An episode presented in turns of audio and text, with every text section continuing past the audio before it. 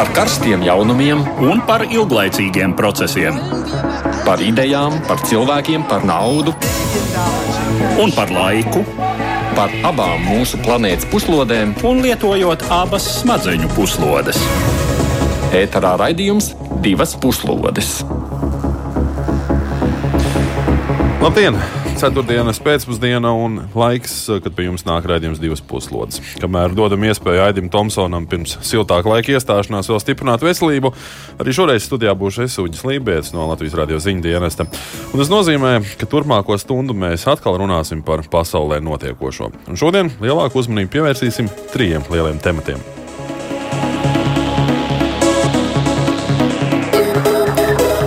Eiropas valsts pamazām sāk vērties vaļā un mīkstināt koronavīrusa pandēmijas laikā ieviestos piesardzības pasākumus. Tas dod cerību, ka jauna dvēsma tiks iepūsta arī Eiropas ekonomikā. Kamēr Eiropas komisija vēl tikai gatavo savu ekonomiskās atkopšanas un stimulēšanas piedāvājumu, Vācija un Francija piedāvājušas savu iniciatīvu, kā Eiropas Savienībai aizņemties naudu un sadalīt to grūtībās nonākušajām valstīm. Pret to gan iebilst taupīgākās dalībvalstis. Vai šādi konkurējošie viedokļi palīdz rast kompromisu variantu, vai arī apdraud Eiropas Savienības vienotību? Koronavīrusa krīze pamatīgi skārusi arī Amerikas Savienotās valstis. Otrajā plānā atstājot šī gada svarīgāko notikumu ASV politiskajā dienas kārtībā rudenī gaidāmās prezidenta vēlēšanas. Kā šī krīze ir ietekmējusi abu vadošo kandidātu nostāju un izredzes nepilnu pusgadu pirms izšķirošā balsojuma? Bet Izrēlā stājusies amatā jaunā koalīcijas valdība, kas par vienu no galvenajām prioritātēm ir izvirzījusi plašu rietumkrasta teritoriju aneksiju. Svētību šādām darbībām dod arī ASV prezidenta administrācijas izstrādātais miera plāns. Palestīnieši un liela daļa starptautiskās sabiedrības gan uzskata, ka šādi ierosinājumi apdraud to austrumu miera procesu un divu neatkarīgu valstu līdzās pastāvēšanu. Kā vērtējam Izraels rīcība un vai priekšā mums jauns konflikta sācinājums? Šiem tematiem kopā ar ekspertiem pievērsīsimies šīs stundas laikā, bet sākumā arī dažas īsākas ziņas.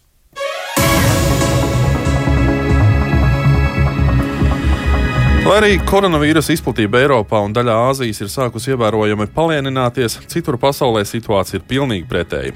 Pagājušajā diennaktī Pasaules veselības organizācija bija saņēmusi ziņas par 106 tūkstošiem jaunu saslimšanas gadījumu visā pasaulē. Un, lai cik tas dīvaini varbūt arī neliktos, šis ir augstākais vienas dienas laikā reģistrēto inficēšanās gadījumu skaits kopš epidēmijas izcelšanās. Vislielāko vienas dienas laikā mirušo skaitu, kas pietuvojas 1200, ir piedzīvojis arī Brazīlija, kuras prezidents Žērs Bolsonaro joprojām atsakās ieviest ierobežojumus, pēc viņu vārdiem, kaut kādas mazas gripas dēļ. Slimība strauji izplatās arī Krievijā, kur saslimušo skaits ir pārsniedzis 300 tūkstošus. Varas iestādes gan apgalvo, ka mirstība esot vairākas reizes zemāka nekā citur pasaulē, kamēr mēdīji norāda, ka mirstība ir vairākas reizes augstāka Krievijas mediķu vidū. Bet ekspertiem, prognozējot cīņu ar covid-19 vēl vairāk mēnešu garumā, ASV prezidents Donalds Trumps turpina dzert ārstu neieteiktās pretmalārijas zāles un jau domā, kā klātienē sarīkot G7 līderu tikšanos. Pēc pagājušās nedēļas kārtējām pēc Brexita sarunām starp Lielbritāniju un Eiropas Savienību abas puses atzinušas, ka nekāda progresa sarunās joprojām nav.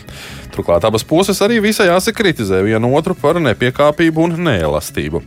Nu, vairāk kritikas, protams, izskanēja no Londonas, kura tika piedraudējusi.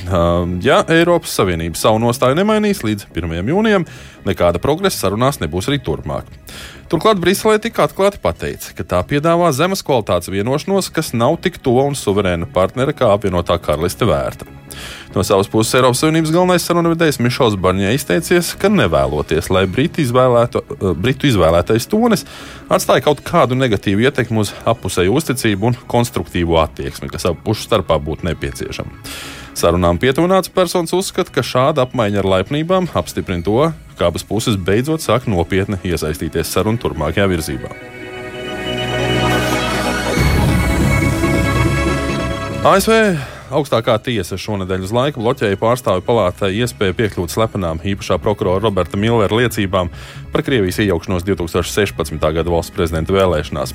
Martā Federālā apelācijas tiesa bija apzinu, atzinusi, ka dokumenti ir jānodod demokrātu kontrolētās palātas deputātiem, jo, jo juridiskās komisijas nepieciešamība pēc materiāliem prezidenta Donalda Trumpa lietā ir vērtējama augstāk par Tieslietu departamenta vēlmu šo liecību noslepenot. Atgādinām, ka Millera ziņojumā tika detalizēti aprakstīti Trumpa kampaņas pārstāvju sakara ar Krieviju, kā arī izmeklēts vairākas epizodes par prezidenta mēģinājumiem kavēt izmeklēšanu. Bet laikā, kad daudz no mums joprojām izbauda daļu no um, pašizolācijas sniegtajiem priekiem, ASV kosmosa izpētes aģentūra NASA ir paziņojusi, ka tā meklē sociālās izolācijas ekspertu komandu, kas varētu astoņus mēnešus pavadīt kādā laboratorijā Krievijā, lai iegūtu nepieciešamos datus nākotnes misijām uz Mēnesi un Marsu. Šāds pētījums palīdzēšot noskaidrot izolācijas radītās fizioloģiskās un psiholoģiskās sekas. Protams, šeit gan ir arī neliels āķis. Pretendentam jābūt veselīgam ASV pilsonim vecumā no 30 līdz 55 gadiem, ar labām angļu un krievu valodas zināšanām, maģistra vai doktora grādu zinātnē vai medicīnā, vai arī militārajam virsniekam.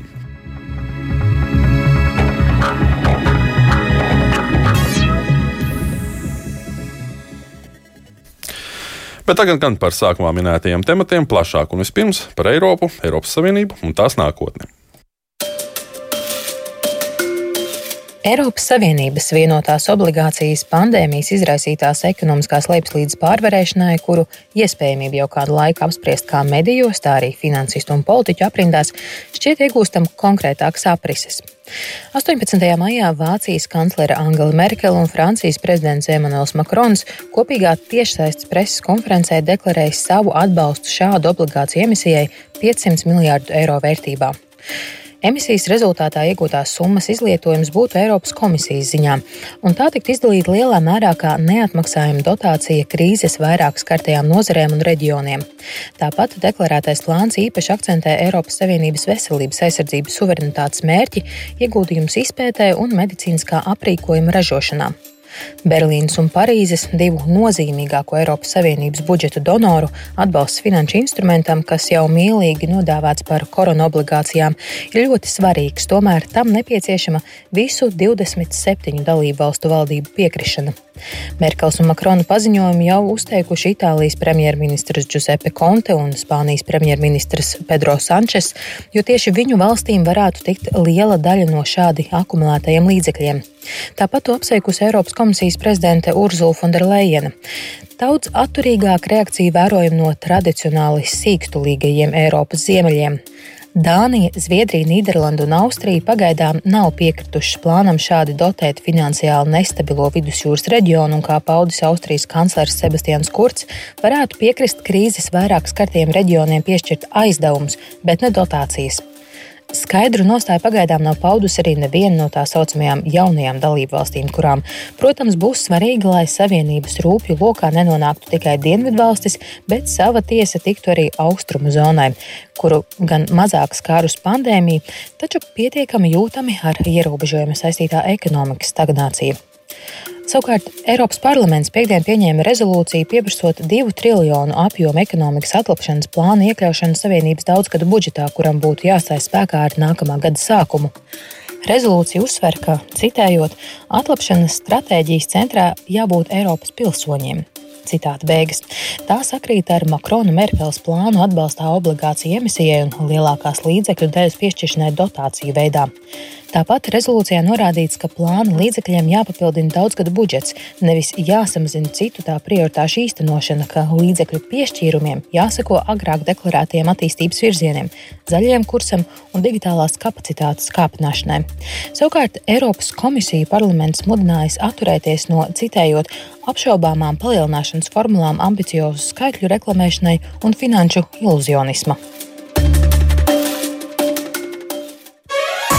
Divas puslodes. Telefoniski šobrīd mūsu raidījumam pievienojas Latvijas ārpolitikas institūta pētniece Vineta Kleinberga. Labdien! Labdien! Arī laikraksta diena komentētājs Andris Sedlnieks. Sveicināts! Sveicināti! Un, protams, neiztrūkstoši arī mūsu raidījuma veidotājs un komentētājs Edvards Liniņš. Sveicināts! Labdien! Sāksim ar dāmām. Kleinbergs kundze, kāpēc jūsuprāt šāds Vācijas un Francijas izgājiens? Jaudīgās Eiropas Savienības lokomotīvas vienkārši nolaiž tvaiku vai arī sāk vilkt to Eiropas vilcienu uz priekšu? Es domāju, tur varētu būt divi apsvērumi. Viens, uh, Eiropas Savienība jau tiek kritizēta par kaut kādā mērā līderības trūkumu visā Covid-19 krīzes risināšanā. Varbūt šīs valstis uh, vēlas izmantot šo brīdi, lai parādītu, ka tomēr Eiropas Savienībā līderība joprojām pastāv. Bet otra, kas varbūt ir pat svarīgāka lieta, Es domāju, tā pamatā ir ļoti pragmatiski apsvērumi.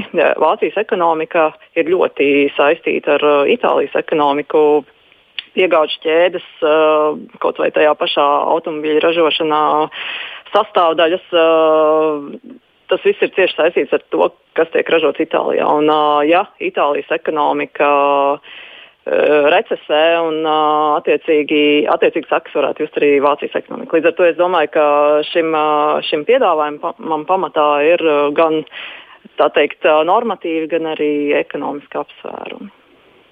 Turpinot, šodien lasīju tādu arī komentāru, ka Angela Merkele, kas iepriekš ir ļoti aktīvi iestājās pret šīm eiro obligācijām, ja mēs tā viņus varam nosaukt, ka viņas šo lēmumu ir pieņēmusi pēc tam, kad Vācijas konstitucionālā tiesa pagājušā nedēļā pieņēma šo visai pretrunīgi vērtēto lēmumu un faktiski uzlika Eiropas Savienības valstu valdībām pienākumu finansēt jebkurus fiskālās politikas pasākumus. Tātad faktiski nu, varam teikt paldies Vācijas tiesai, Venbergs kundze. Atvainojos, tas bija. Man... Jā, Vīnēta, varbūt jūs turpināt. uh, grūti pateikt, vai teikt paldies Vācijas tiesai. Es domāju, šis mehānisms joprojām prasa nedaudz izpētes un sapratnes, kādā veidā notiks šo saucamo korona obligāciju izlaišana un arī atmaksāšana. Tas, ko es saprotu, ka tas, tas naudas plūsma notiks caur Eiropas Savienības budžetu. Attiecīgi nauda tiks iesnieg, izsniegta valstīm grantu veidā, bet uh, atmaksāt uh, tas viss teiksim, būs jāatmaksā nākamā periodā, kas sāksies pēc 2027. gada no tā budžeta. Un, attiecīgi, lai to atma atmaksātu, tad ne tikai Vācija, vai Francija vai Itālija, bet visas Eiropas Savienības dalību valstis uzņemtos šo atbildību atmaksāt, at, at, atmaksāt aizņēmumu finanšu tirgos. Un, attiecīgi, ir runa par to, ka varētu tikt pa, paaugstināti griezti mm, dalību valstu iemaksām, jeb tā saucamajiem pašu resursiem eh, Eiropas Savienības budžetā.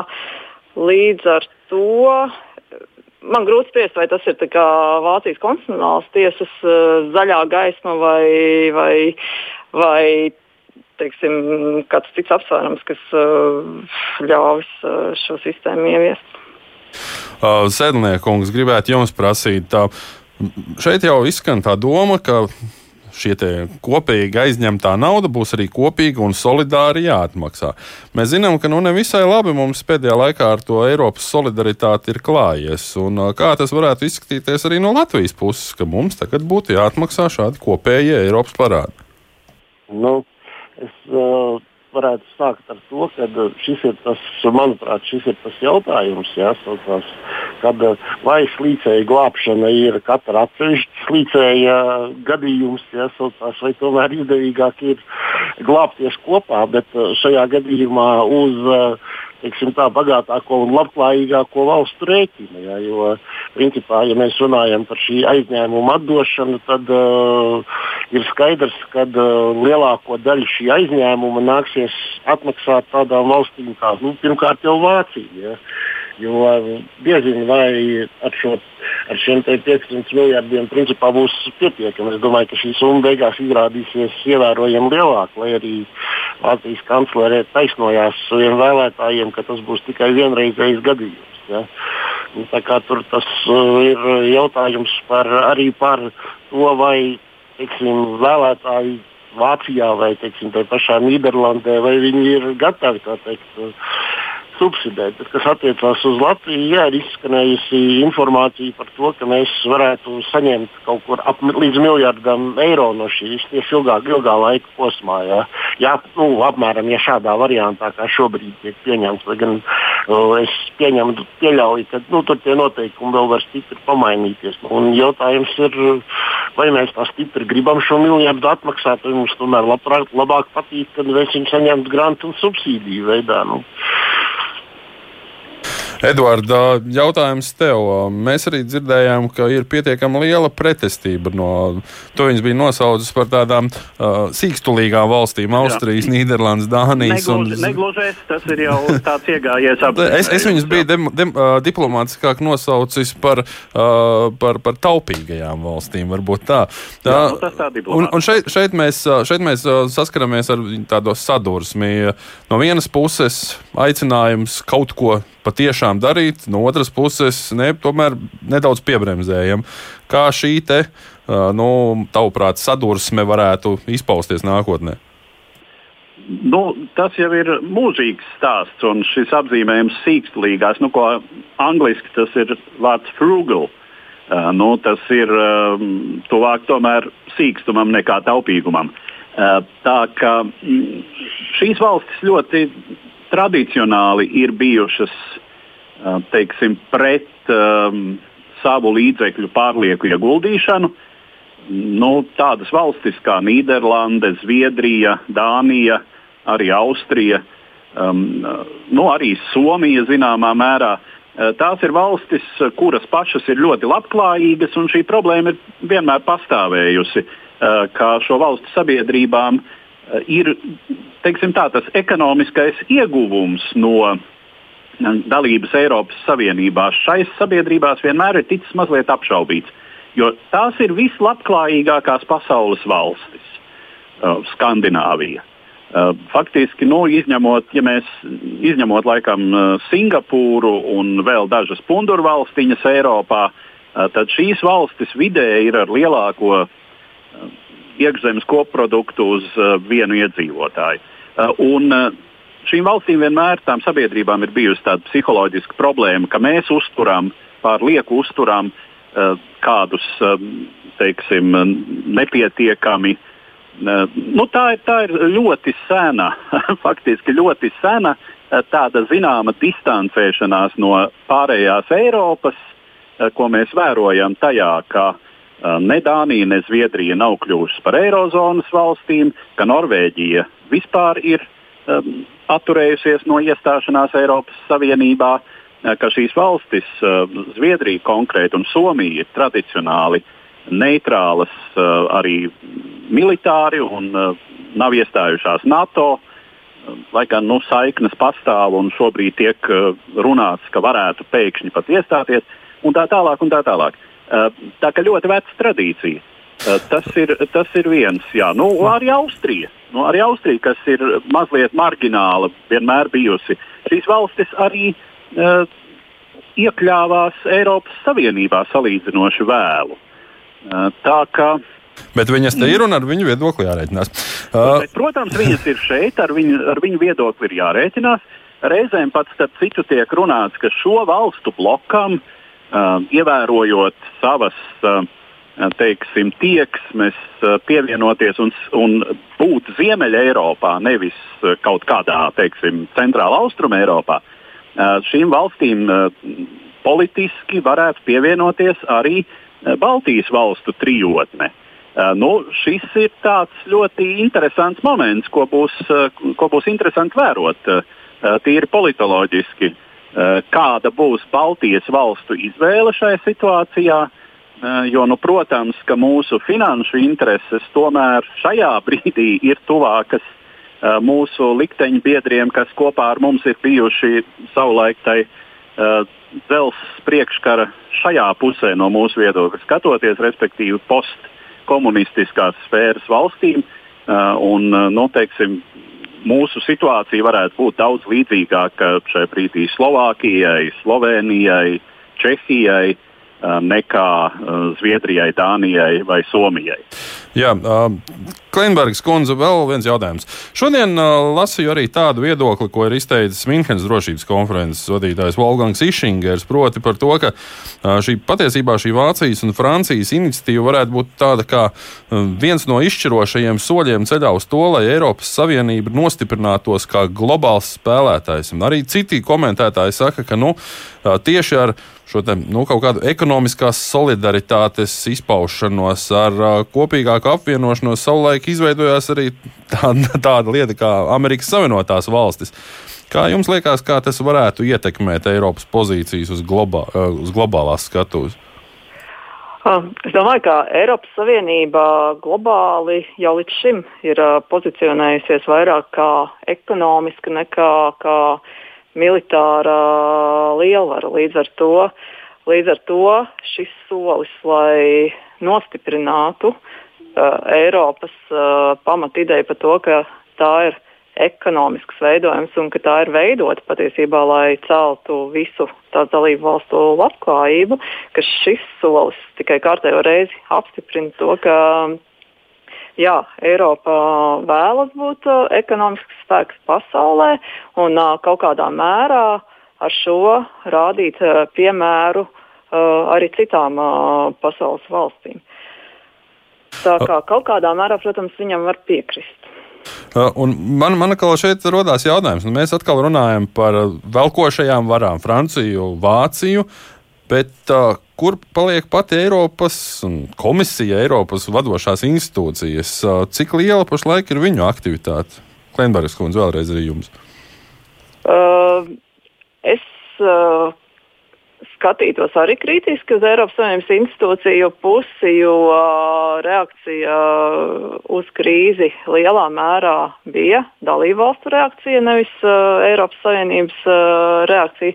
Līdz ar to tas, ko Eiropas komisija šobrīd var darīt. Uh, ieklausīties priekšlikumos, un, un nu, teiksim, pēc šiem Vācijas, Francijas priekšlikumiem nākamais solis ir Eiropas komisijas priekšlikums visam Eiropas Savienības budžetam. Tātad tas, ko mēs varam sagaidīt 27. maijā, tam tomēr vajadzētu būt tādam ambiciozam, uz nākotni vērstam priekšlikumam.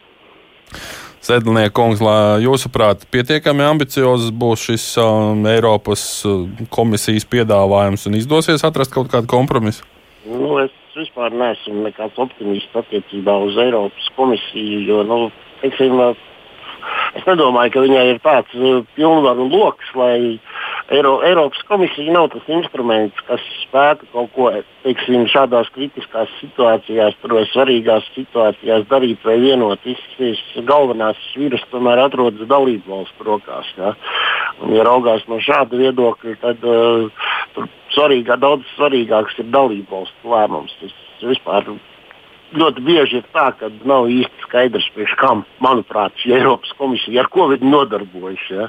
priekš kam viņi tur īsti ir vajadzīgi. Tā kā es attiecībā uz uh, šo teiksim, politiski ekonomisko instrumentu nekādas īpašās cerības nesaist. Bet, kas attiecās uz dalību valstīm, tad jā, teiksim, Vācijas un Francijas vienošanās, pie kam Vācijai nu, teiksim, tā ne īpaši patīkama. Jā, jo nav noslēpums, ka Vācijā pastāv un ir plašs izplatīts viedoklis, ka Eiropas Savienība tas ir galvenokārt jau bizness. Jā, jo, ja ieguldi kaut kur līdzekļus, tad tev ir jāsaņem arī šī peļņa atpakaļ. Jā, un uz šādu fonu teiksim, nostājas maiņa attiecībā uz to, ka mēs varētu arī piešķirt grantus un subsīdijas. Ja, nu, tas ir diezgan tāds uh, solis. Ja.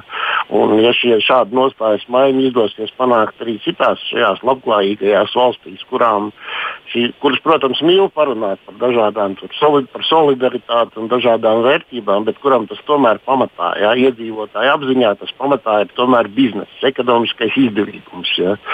Un, ja arī viņš spēs šo faktu pieņemt, tad Eiropā ir iespējas teiksim, tā, jūtami pastiprināt savas ekonomiskās pozīcijas, bet kas attiecās uz uh, Eiropu kā lielvaru, nu, tas ir tāds diskutabls jautājums. Jā.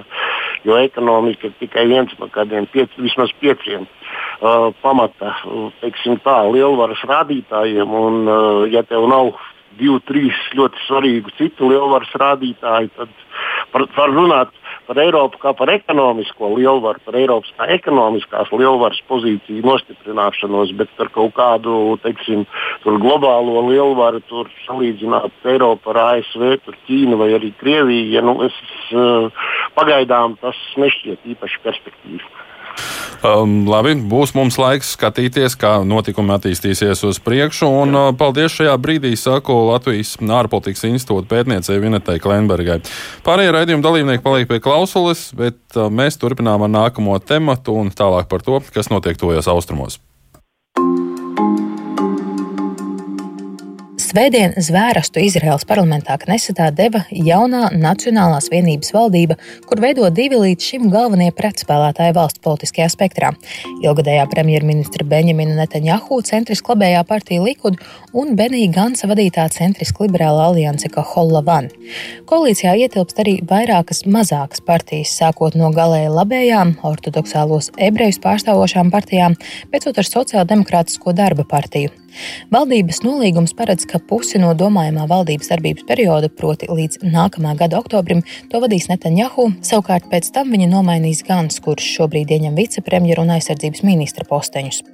Līdz ar to šķiet noslēgusies gadu ilgusī politiskā krīze, kuras laikā Izraela piedzīvoja trīs kneseta vēlēšanas pēc kārtas.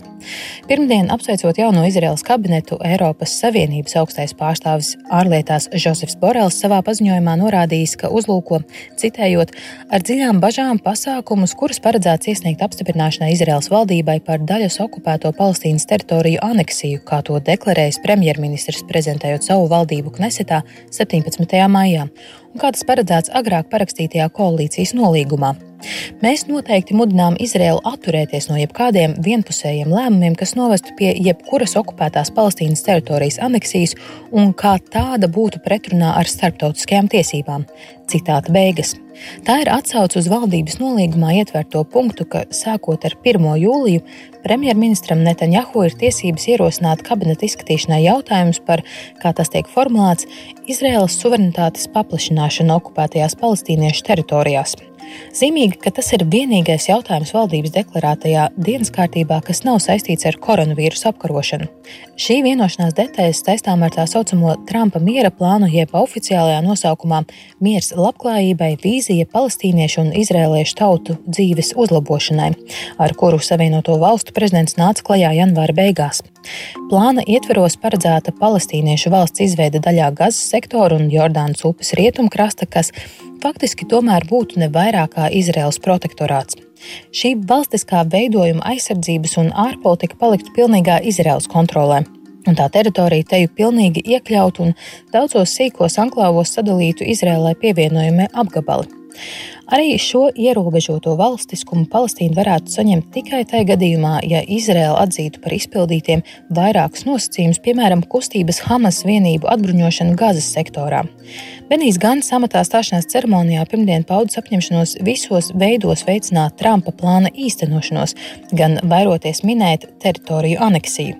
Savukārt Jordānijas karalis Abdulā II intervijā vācu laikrakstam Der Spiegel piekdien izteicies, ka Izraels mēģinājumi mainīt pastāvošās robežas var novest pie plaša konflikta ar Jordāniju.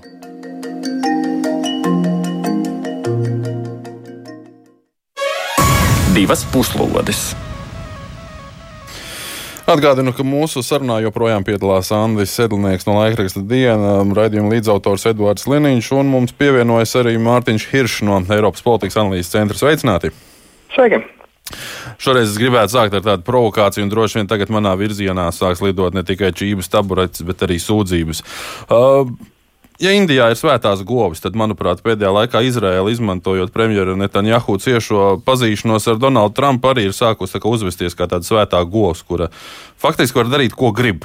Pat ja to neļauj starptautiskie likumi, ja ļoti gribas, tad Izraela tomēr drīkst. Nu, nu, pilnīgi gluži kā Krievija, Krimas un Austrum Ukrainas gadījumā. Turklāt Izraela ir arī aizliegts kritizēt, jo tas, redz, varētu tikt uzskatīts par antisemītismu. Kungi, vai tiešām arī šodien aplūkojumos Izraels piedāvājums nedrīkstētu kritizēt? Sedlniekungs, kā jums liekas?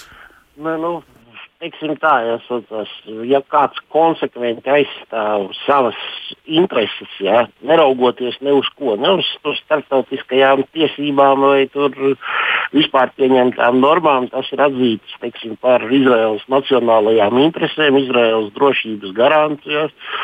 Nu, tas jautājums, kā, kā labi saprotams, ir diskutabls. Ja? Tad kritizēt, kritizēt, nekritizēt, kritizēt, protams, var. Ja? Bet, bet kritizēt šajā gadījumā arī ir par ko, ja? jo teiksim, tur nav redzams, ja? ka šie konkrētie plāni attiecībā uz palestīniešiem, ka viņi varētu tur ieviest kādu mieru vai viest stabilitāti. Ja, jo, piemēram, nu, Mahmuds Abas ja, paziņoja, ka Palestīnas pašpārvalde pārtrauc jebkādas, nu, anulē visus iepriekšējos līgumus ar ASV un Izraēlu. Ja, un tas visā arābu pasaulē, ja, visā nu, teiksim, palestīniešu vidū, visur tas tiek uztverts tieši tā, kā tas arī ir par nodomu anektēt uh, atsevišķas palestīniešu teritorijas un tas šo spriedzi tikai palielinās, un tas tikai rada jaunas konflikta iespējas. Ja. Bet otra lieta ir, ka uh, nav jau arī nekādas izējas no šīs nebeidzamās situācijas, ja, jo, nu, teiksim, jo Izrēlā. Nu, atkāpties arī nevar. tas jau savukārt ir reāls apdraudējums valsts pastāvēšanai. Un tā kā šis karuselis uh, griezīsies mūžīgi. Uh, Hirškungs, jā, es atvainojos. Uh, es saprotu. Es gribēju piebilst, kas attiecās uz uh, šādiem uh, starptautiskās politikas jautājumiem par to, kuram ir tiesības un kuram nav tiesības kaut ko ievērot. Ja, tu, būsim godīgi. Ja parasti dienas kārtību diktē stiprākie un tie, tie kuriem ir stiprāko atbalsts. Ja? Un es vēl pieprecizēšu, varbūt nedaudz papildināšu, ka uh, Izraels premjerministrs Netanjahu, Netanjahu ir ne tikai liels Trumpa, bet arī Krievijas prezidenta Vladimira Putina teiksim, tā, draugs. Tas arī īpaši netiek slēpts. Ja? Tā kā ja jums ir divi no pasaules lielvarām atbalsts, ja, tad jūs visticamāk varat atļauties šādas rīcības. Diemžēl. Hirškungs, es saprotu, ka nu, jā, patiesībā Izraels valdības ierosinājumiem ir uh, milzīgs atbalsts arī pašā Izraels sabiedrībā. Un, nu, acīm redzot, uh, ASV prezidenta administrācija arī to ir ņēmusi vērā ar savu miera plānu. Bet vairums eksperti tomēr domā, ka nu, gluži bez palestīniešu viedokļa ņemšanas vērā nekas labs nu, tuvajos austrumos nav gaidāms. Nu, ja skatās uz ASV pēdējiem desmit gadiem, Džordžs uh, Bušs, uh, nu, viņš labierēja vēl. Viņš bija Izraels pusē, bet viņš nebija tā viennozīmīgi. Baraks Obama savukārt nu, gan gatavs strādāt ar Izraelu, gan ar Arābu valstīm, nu, pa vidu kaut kur labierē. Džordžs Bušs savukārt viennozīmīgi vienos vārtos pro-Izraelu. Uh, Uh, un, uh, protams, ka uh, tas nu, nepārāk apmierina pārējās reģionu valstis un arī pašus palestīniešus un musulmaņus un veicina antiamerikānismu pret nu, šādu klāju ASV pieslēgšanos vienai valstī reģionā. Tas ir viens, otrs nu, par Izrēlu un par to austrumu ASV ārpolitiku. Lielā mērā atbildīgs ir Trumpa znots, ko Kašners, Košners, kurš nu, ir bez jebkādas pieredzes ārpolitikā. Un, nu, tad nav brīnums, kad no ASV ārpolitikas uh, iznāk ārā nu, šāds te, uh, nu, teiksim, nu, teiksim, tāda, tāda pulvermucas situācija, kad uh, viņi iedod Izrēlai, nu, lielam, dariet, ko gribat, mēs atbalstam jūs.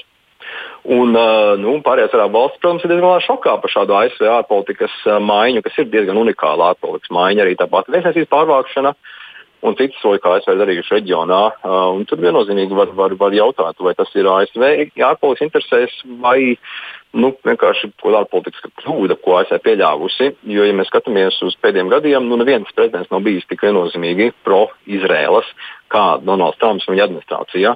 Nu, viens skaidrojums var būt, un uh, es pat nepārspīlēju, Trumpa padomnieku un tuvāko cilvēku administrācijā vidū ir cilvēki, kuri tic, ka Izraels pastāvēšana un viss, kas notiek tuvajos austrumos, novedīs pie Jēzus otrās atnākšanas. Nu, tāda pavisam apgūtiska, mesīska vīzija, un ASV ir jāatbalsta Izraela, lai tur vai kas. Uh, nu, ir pat tādi cilvēki Trumpa padomnieku vidū, kas skatās uz notiekošo tuvajos austrumos, neizskatās ārpolitikas, ģeopolitikas, uh, tur kalkulācijās, bet tādās bibliskās, nu, kad būs mesijāniskās pasaules skatījumos, kas, protams, nav saistīta ar realitāti un, nu, diemžēl, drīzākais novedīs nu, pie jauniem konfliktiem un nu, saspīlējumu atuvojos austrumos. Tā kā viennozīmīgi šāda te um, nu, tad, man minimums dīvaini pie ārpolitikai uh, no ASV ir kaut kas neredzēts, unikāls. Uh, un, uh, jā, nu, Izrēlai, kā arī pats Netanjahu saka, nu, šis ir tas uh, unikāls lokus, iespēju lokus uh, nu, darīt daudz ko ārpolitikā, ko pirms uh, nu, 30 gadiem viņi nekad nevarētu, jo tā ASV to neatbalstītu. Edvards, es zinu, ka tev patīk meklēt dažādas likumsakarības. Nu, tagad mēs redzam, ka nu, palestīniešu pusē faktiski nostājusies ir, kā varētu teikt, Eiropas Savienība. Aiz Izraels, nu, vai pareizāk sakot, tai priekšā stāv ASV. Nu, pie kā var novest šī divu smagsvaru kārtējā stīvēšanās? Turklāt, nu, jā, par šī tik sensitīvu jautājumu un vietu. Nu, tu jau lielā mērā arī iezīmē to atbildi. Un, uh, tā sacīt, turpinot tavas uh, animālās, respektīvi dzīvnieku, dzīvnieku tēlainībā sakņotās metafāras par svētajām govīm, es savukārt gribētu bilst par ziloni trauku veikaliņā. Mēs zinām, ka Donalds Trumps šādi uzvedas gan Amerikas iekšpolitikā, gan ārpolitikā, bet nu, šajā gadījumā viņš ir iegājis nevis trauku veikaliņā, bet ķīmisko reaktīvu noliktavā, kur ja divas nepareizās pudelītes sasit vienlaicīgi, tad blīkšķis ir pamatīgs. Uh, un, uh, tas arī ir tas, ko ļoti labi saprot uh, Eiropa. Es teiktu, ka nu, tur, kur es, es negribu tev mest ne ar čību, ne ar tabureti, bet es gribu teikt, ka nu, teiksim, šie apgalvojumi par Izrēlu, kur atļaujas pilnīgi visu un uzvedas kā svētā govs, nu, tam es īsti negribu piekrist. Vienkārši pašā Izrēlā ir pietiekami liela opozīcija Benjaminam Netanjahu un viņa ārpolitikai. Eh, cilvēki, kas tur dzīvo, ļoti labi saprot, eh, cik bīstama ir tāda mm, aneksijas politika. Nevelti, teiksim, eh, Netanjahu galvenais sabiedrotais, proti mm, partijas Kahol Lavan pārstāvji, nu tātad Benijs Gants un arī nu pat um, apstiprinātais ārlietu ministrs Eškanāzī. Uh, viņi ir uzmanīgi savos izteikumos, gan sakot, ka jā, šis miera plāns varētu būt liela iespēja Izrēlai uh, beidzot nostiprināt savu drošību un tā tālāk, un tā tālāk, un ka tas būtu jāveicina, bet ļoti vairoties no uh, sarunām par aneksiju. Jo faktiski arī pašā plānā tā nu, tieši nav teikts, ka Izraela drīkstētu anektēt šīs teritorijas pilnīgi no starptautisko tiesību viedokļa. Un, protams, ka tas, ko ir izdarījis Trumps šī gada sākumā, nu, tas tiek atzīmēts, ka tas ir pēc 40 gadiem ārpolitikas paradigmas maiņa tuvajos austrumos, jo līdz šim arī Savienotās valstis uh, sekojot apvienoto nāciju organizācijas jau sen deklarētai nostājai un nostājai, kuru joprojām konsekventi atbalsta Eiropas Savienība, uh, Amerikas Savienotās valstis arī līdz šim uh, bija uzticīgas tā sauktajai divu valstu uh, risinājuma politikai, proti, ka šai teritorijā, kas šobrīd ir Izraēlas kontrolēta, ir jāizveidojas divām neatkarīgām valstīm, proti, izrēliešu un palestīniešu valstī. Bet, protams, tie nu, jau 70, vairāk nekā 70 gadi, kas ir pagājuši kopš Izraēlas valsts nodibināšanās, un vairākiem pēc skaita trim lieliem kariem šajā reģionā, ir, ir izveidojuši to situāciju, ka jā, nu, Izraēlas sabiedrībā, ja teiksim, mēs iedomājamies, ka Um, šī palestīniešu valsts varētu izveidoties uh, visās tajās teritorijās, kuras bija paredzētas sākotnēji. Un tā ir Gazas josla, un tas ir viss Jordānas upes rietumu krasts. Uh, kas nozīmē, ka faktiski uh, nu, Izraela atkal atgriežas tajās sākotnējās paredzētajās robežās, kur šķiet, ka 30 km ir Izraēlas teritorija šaurākajā vietā starp robežu un jūru. Ja? Uh, nu, kas būtībā nozīmētu, uh, kas, kas būtībā nozīmē pastāvīgu, pastāvīgu militāru apdraudējumu. Tā ka jā, nu šis, ir, šis ir tāds mezgls, kas ir, mm, nu, kas ir gadu desmitiem savilkts. Mēs zinām, cik grūti risinās līdzīgi uh, starptautiski konflikti. Uh, Uh, un šādas um, iesīkstējušas konflikta situācijas. Nu, paskatīsimies, turpat līdzās ir Kipra, ja, kur ir Turcijas okupēta ziemeļdaļa, un kur arī šis konflikts nav skaidrs, kā atrisināt. Ja? Es gribētu vēl uzdot Hirškungam jautājumu. Edvards jau pieminēja šo ASV ārpolitikas paradigmas maiņu un arī šo savilkto mezglu.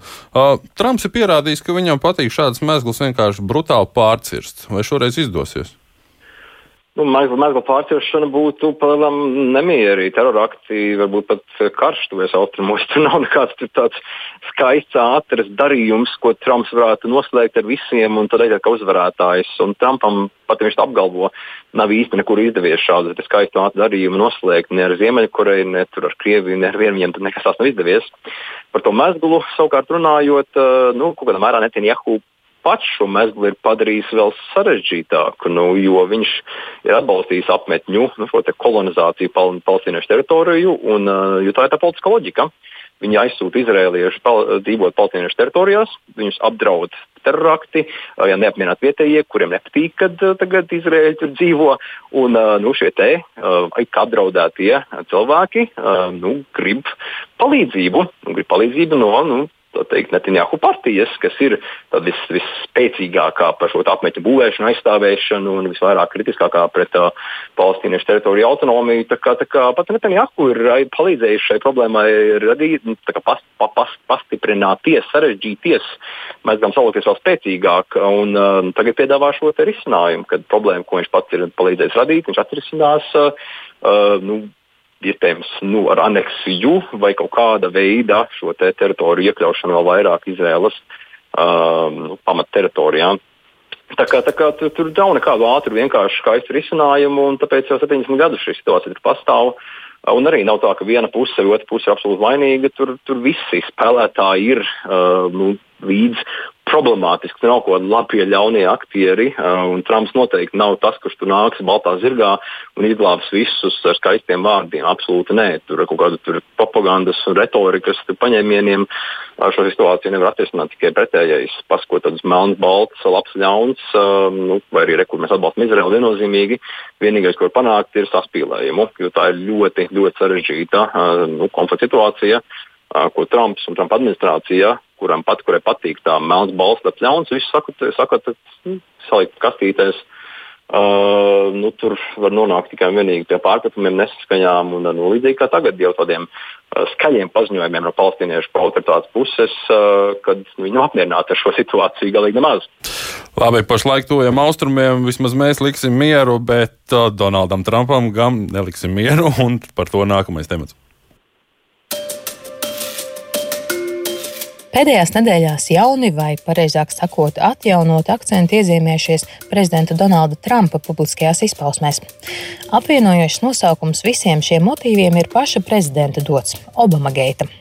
Atspērienu punkts šim vadmotīvam ir Savienoto Valstu Tieslietu departamenta lēmums, kā nepamatot izbeigt kriminālu vajāšanu pret bijušo Trumpa Nacionālās drošības padomnieku Maiklu Flinu, kurš tika apsūdzēts pēc tam, kad atklātībā parādījās informācija par to, ka Flins melojas Federālā izmeklēšanas biroja aģentiem par saviem kontaktiem ar Krievijas vēstnieku Sergeju Kisļaku.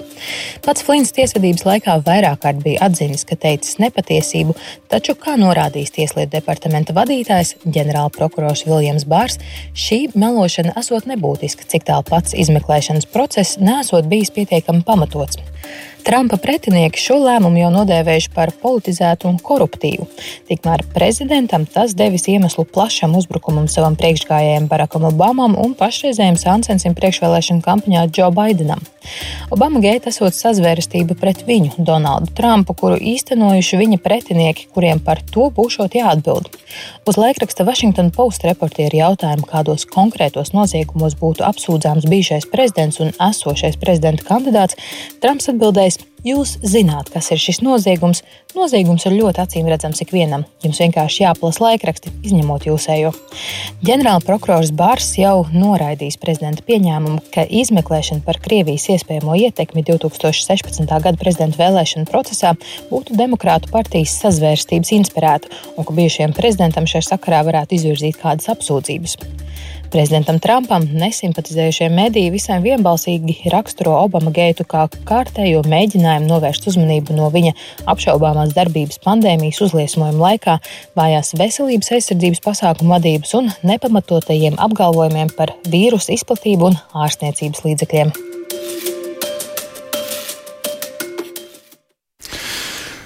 Jā, teorētiski Amerikas Savienotajās valstīs joprojām turpinās priekšvēlēšana cīņa, un uh, faktiski mēs abus kandidātus zinām - Trumps un arī Joe Bidenis no demokrāta puses. Un, tā vien izskatās, ka pašreizējā situācijā Trumps ir sācis mainīt savu stratēģiju un ar visu smago artēriju vērsties pret demokrātiem. Kā Sedlniekungs, kā jums izskatās visu šī? Nu, notiekošais, kas ir šajā krīzes laikā nedaudz otrajā plānā aizvirzījies? Mm. Nē, nu, vispirms ir jāatcerās, ka vēl pirms uh, pandēmijas sākuma, ja teiksim, par Trumpa uzvaru tur praktiski nebija vispār nekādu šaubu. Ja. Viņa teikt, atbalsts viņam balstījās uz uh, ekonomiskajiem panākumiem, un uh, tas Savienoto valstu vēlētājiem vienmēr ir pats svarīgākais. Un vienkārši pandēmija ir visai radikāli mainījusi šo situāciju.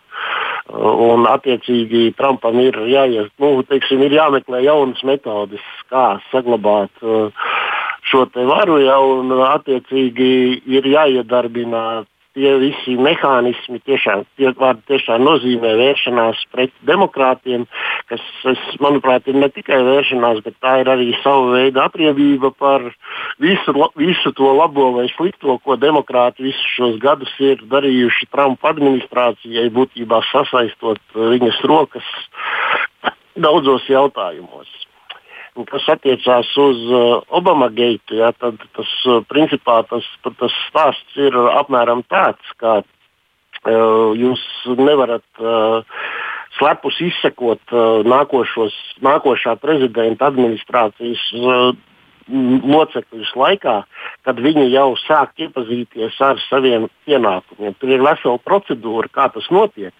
Un šīs procedūras laikā uz viņiem tiek attiecināti tie paši drošības, uz šiem cilvēkiem tiek attiecināti tie paši drošības pasākumi un tāds pats tiesiskais status kā uz esošo administrāciju. Un, principā stāsts ir par to, ka uh, šajā gadījumā Flina noklausīšanās vai izsakošana ir atklāti nelikumīgi un būtībā valsts noziegums. Un jautājums ir par to, kurš ir devis šo sankciju, ko neviens neatzīstās. Ja. Nu, tas, ir, teiksim, tas ir galvenokārt uh, juridiskajā plāksnē, bet ja izdodas uh, pasniegt to tā, ka par to ir zinājuši par būtībā, es vēlreiz atkārtošu, par būtībā antikonstitucionālu un pilnībā neliku, nelikumīgu. Izsekošanu ir zinājuši arī Obama un viceprezidents Baidens. Ja, tad, nu, tad tā ir Obama geita. Ja. Tas ir tas rādītājs. Bet, un, Jā, un Trumps tagad darbina visu artēriju. Es domāju, tiks iedarbināts arī, nu jau tā jau pilnā mērā darbojās arī Bai Ukrainas faktors, Baidena darbības Ukrainā. Teikt, šajā gadījumā gan galvenokārt ne par to, ka viņš tur ir uzvedies kā vietējās nozīmes, nevis vietējās nozīmes, bet tā teikt, kā koloniālais pārstāvis Bet fakts par to, ka uh, Baidens ir dāsni dalījis amerikāņu nodokļu maksātāju naudu apmaiņā pret savu prasību izpildīšanu, un tā cīņa būs vēl.